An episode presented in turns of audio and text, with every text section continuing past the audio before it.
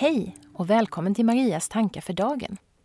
Jag heter Maria Estling Wannestål och jag driver Drömmen om målarjord. En podcast och blogg om att följa sitt hjärta och sin inre kompass. Marias tankar för dagen är mina bloggreflektioner i ljudform. Fram till och med julafton är mina tankefrön en del av årets julkalender som jag hoppas ska inspirera dig till reflektion eller samtal. Idag är titeln på mitt tankefrö Till tårarnas lov. Under mitt arbete med boken om anhörigskap har jag gjort ett stort antal intervjuer med anhöriga. Ganska många av de här samtalen har väckt känslor och inneburit tårar hos den person jag pratat med. Ibland även hos mig. Flera gånger har jag mött reaktionen att den anhöriga förvånats.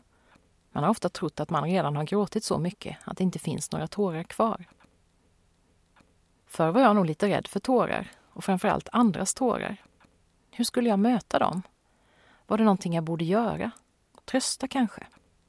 Men jag tror att det bland annat var under min tid som samtalsledare för en stresshanteringsgrupp för ganska många år sedan nu som jag lärde mig att tårar inte är något farligt. Att det räcker väldigt fint med att bara finnas där och lyssna. Kanske erbjuda en pappersnäsduk. Kanske ibland en varm hand på en axel.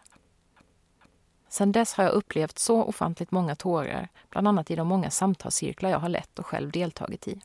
Och jag har kommit att älska tårarna. När jag gick igenom mina tidigare blogginlägg för att leta inspiration till julkalendern hittade jag ett som handlade om just tårar och som jag tänkte läsa för dig. Häromkvällen satt jag alldeles ensam i min systers lägenhet i Helsingborg och storbölade. Verkligen fulgrät. Anledningen? Jo, jag blev så oerhört berörd av Ibrahim, en ung kille som bara varit i Sverige ett år och som sjöng Stad i ljus i TV4s Talang så taket lyfte. Aldrig förut hade orden i den sången nått in i mig, trots att jag hört den så många gånger. I Ibrahims tolkning gjorde de det. Min resa var mot solen, långt bortom alla slutna rum. Där allting är oändligt och alla gränser har för evigt suddats ut.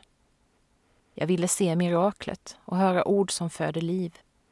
Bli buren av en styrka som bara växer när jag anat mitt motiv. Stad i ljus, i ett land utan namn. Ge mig liv där allting föds på nytt.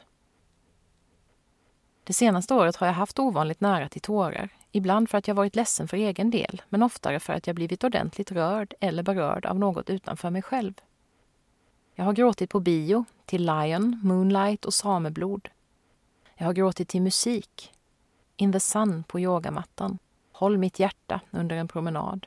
Så skimrande var aldrig havet.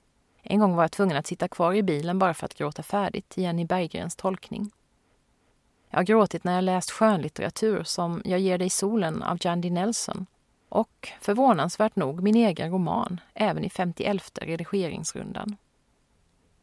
En av mina inspirationskällor, Medicine Story, vars bok The Joy of Caring for Children jag nyligen översatte till svenska, brukar säga att han blir glad när han hör ett barn gråta sedan han försäkrat sig om att barnet är i trygghet och inte är allvarligt skadat.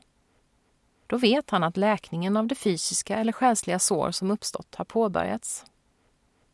I Medicine Stories fru Ellikas kvinnocirklar på Circle Way-lägret på kursgården i Mundekulla kunde vi gråta upp en hel toarulle på några timmar, jag och de andra kvinnorna som bara ett par dagar innan samtalslägret där vi möttes var fullkomliga främlingar.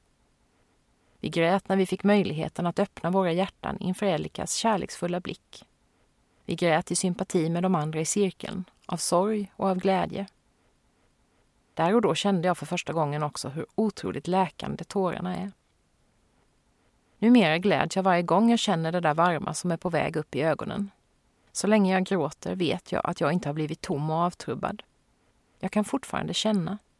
Jag kan vara där, hundra procent närvarande. Dagens reflektionsfråga lyder, vilket är ditt förhållande till gråten? Har du lätt för att gråta eller inte? Hur känns det när du gråter? Och hur upplever du att möta andras tårar? Tack för att du har lyssnat och välkommen tillbaka till en ny kalenderlucka imorgon. Hej då!